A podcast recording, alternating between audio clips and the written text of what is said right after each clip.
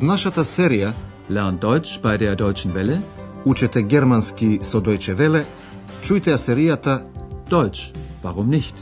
Германски зошто не?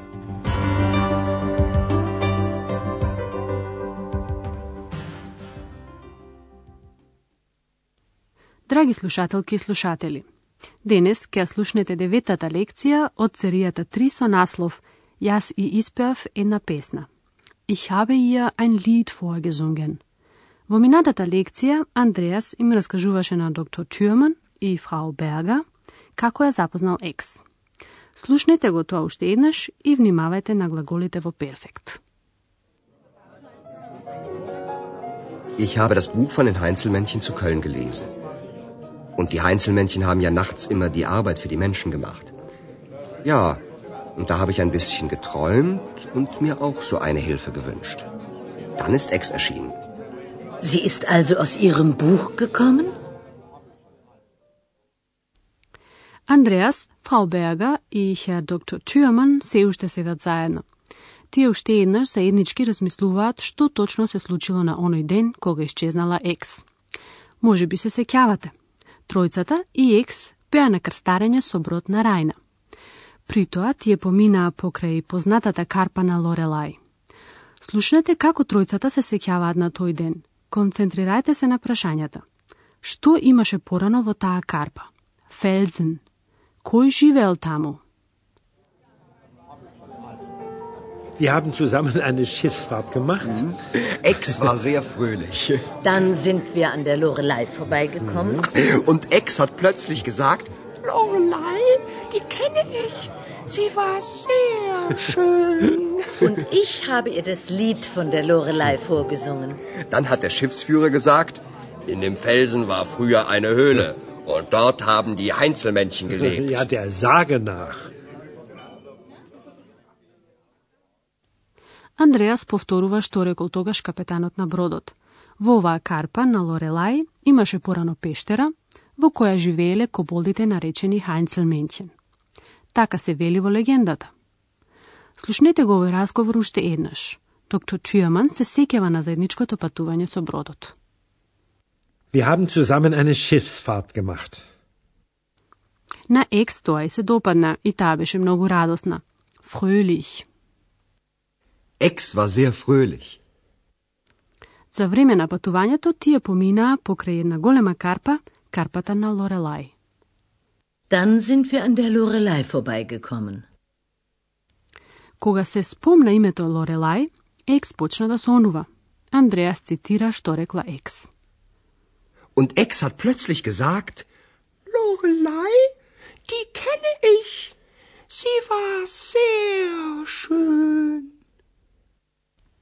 Фрау Берга и ја испеа на Екс песната на Лорелај.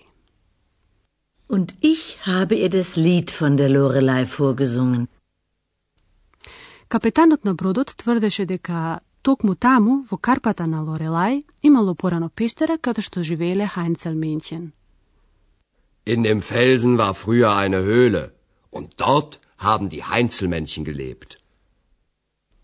Доктор Тюрман го дополнува овој исказ само според легендата, но der Sage nach живееле таму Хайнцелменќен. Der Sage nach. Се што знае Андреас до сега за потеклото на Екс е тоа што таа излезе од книгата за Хайнцелменќен и дојде кај него.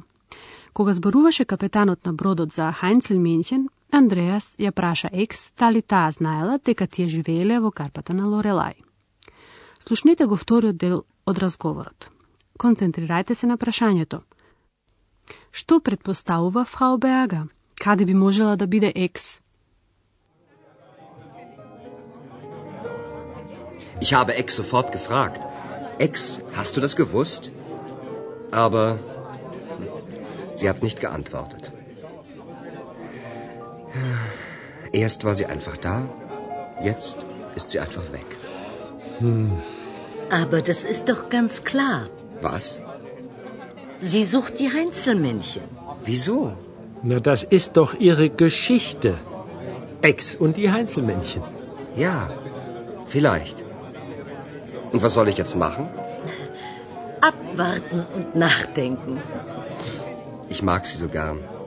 Sie wissen ja, morgen fahre ich nach Berlin. Junger Mann, kommen Sie nach Berlin, mit oder ohne X? Фрау Берга предпоставува дека Екс ги бара Хайнцелменќен. Слушнете го вториот дел на разговорот уште еднаш поточно. Андреас ја прашува Екс дали таа знаела дека Хайнцелменќен живееле во пештерата на Лорелај. Го знаеше ти тоа? Hast du das gewusst? Меѓутоа, Екс беше потоната во незините сеќавања. Таа не одговори.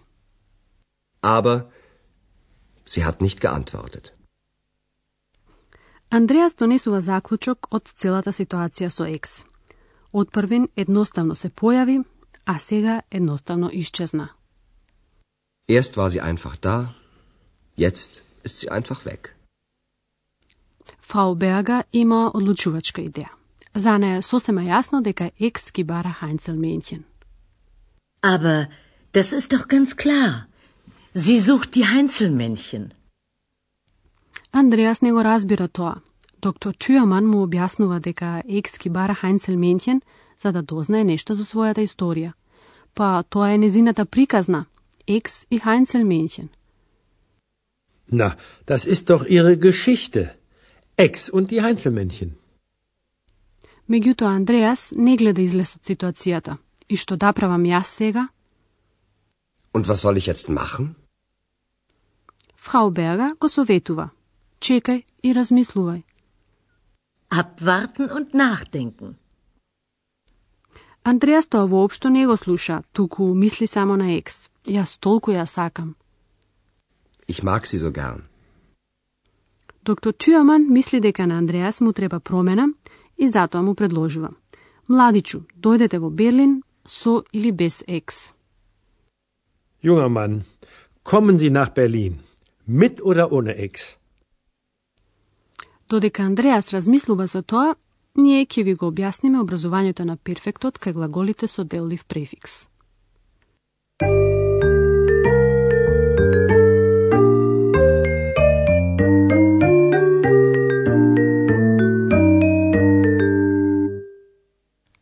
Во минатата лекција слушнавте дека перфектот се гради со помошниот глагол и партицип 2. Најчесто се користи помошниот глагол haben, а поредко sein. Формата на партицип 2 има представка ке е и наставка те или en. Слушнете два примери. Machen. Haben gemacht. Wir haben eine Schiffsfahrt gemacht.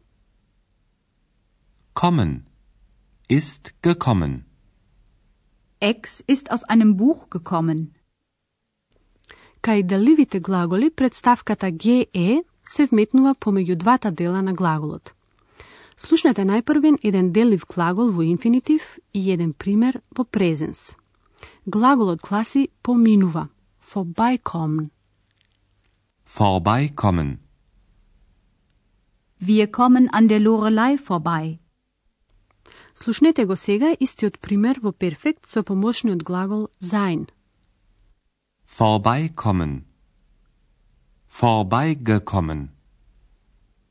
Wir sind an der Lorelei vorbeigekommen. Слушнете сега уште еден пример со деливиот глагол некому пее. Vorsingen.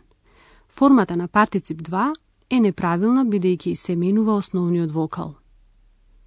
Vorsingen. Vorgesungen. Ich habe ihr das Lied von der Lorelei vorgesungen.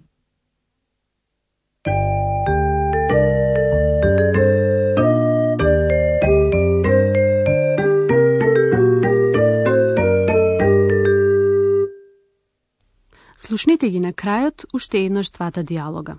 Седнете удобно и слушате внимателно.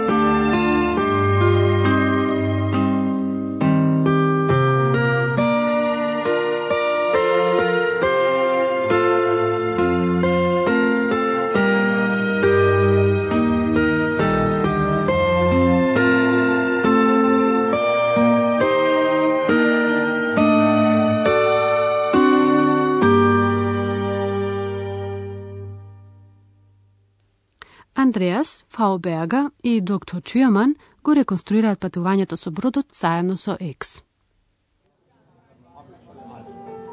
Wir haben zusammen eine Schiffsfahrt gemacht. Ex war sehr fröhlich. Dann sind wir an der Lorelei vorbeigekommen. Und Ex hat plötzlich gesagt, Lorelei, die kenne ich. Sie war sehr schön. Und ich habe ihr das Lied von der Lorelei vorgesungen. dann hat der Schiffsführer gesagt, in dem Felsen war früher eine Höhle. Und dort haben die Heinzelmännchen gelebt. Ja, der Sage nach. Фрау Берга предпоставува дека Екс се наоѓа кај Хайнцел Менќен, но Андреас и понатаму не знае што да прави. Ich habe Ex sofort gefragt. Ex, hast du das gewusst? Aber sie hat nicht geantwortet. Erst war sie einfach da, jetzt ist sie einfach weg. Aber das ist doch ganz klar. Was? Sie sucht die Heinzelmännchen. Wieso? Na, das ist doch ihre Geschichte. Ex und die Heinzelmännchen. Ja, vielleicht. Und was soll ich jetzt machen? Abwarten und nachdenken. Ich mag sie so gern. Sie wissen ja, morgen fahre ich nach Berlin. Junger Mann, kommen Sie nach Berlin, mit oder ohne Ex?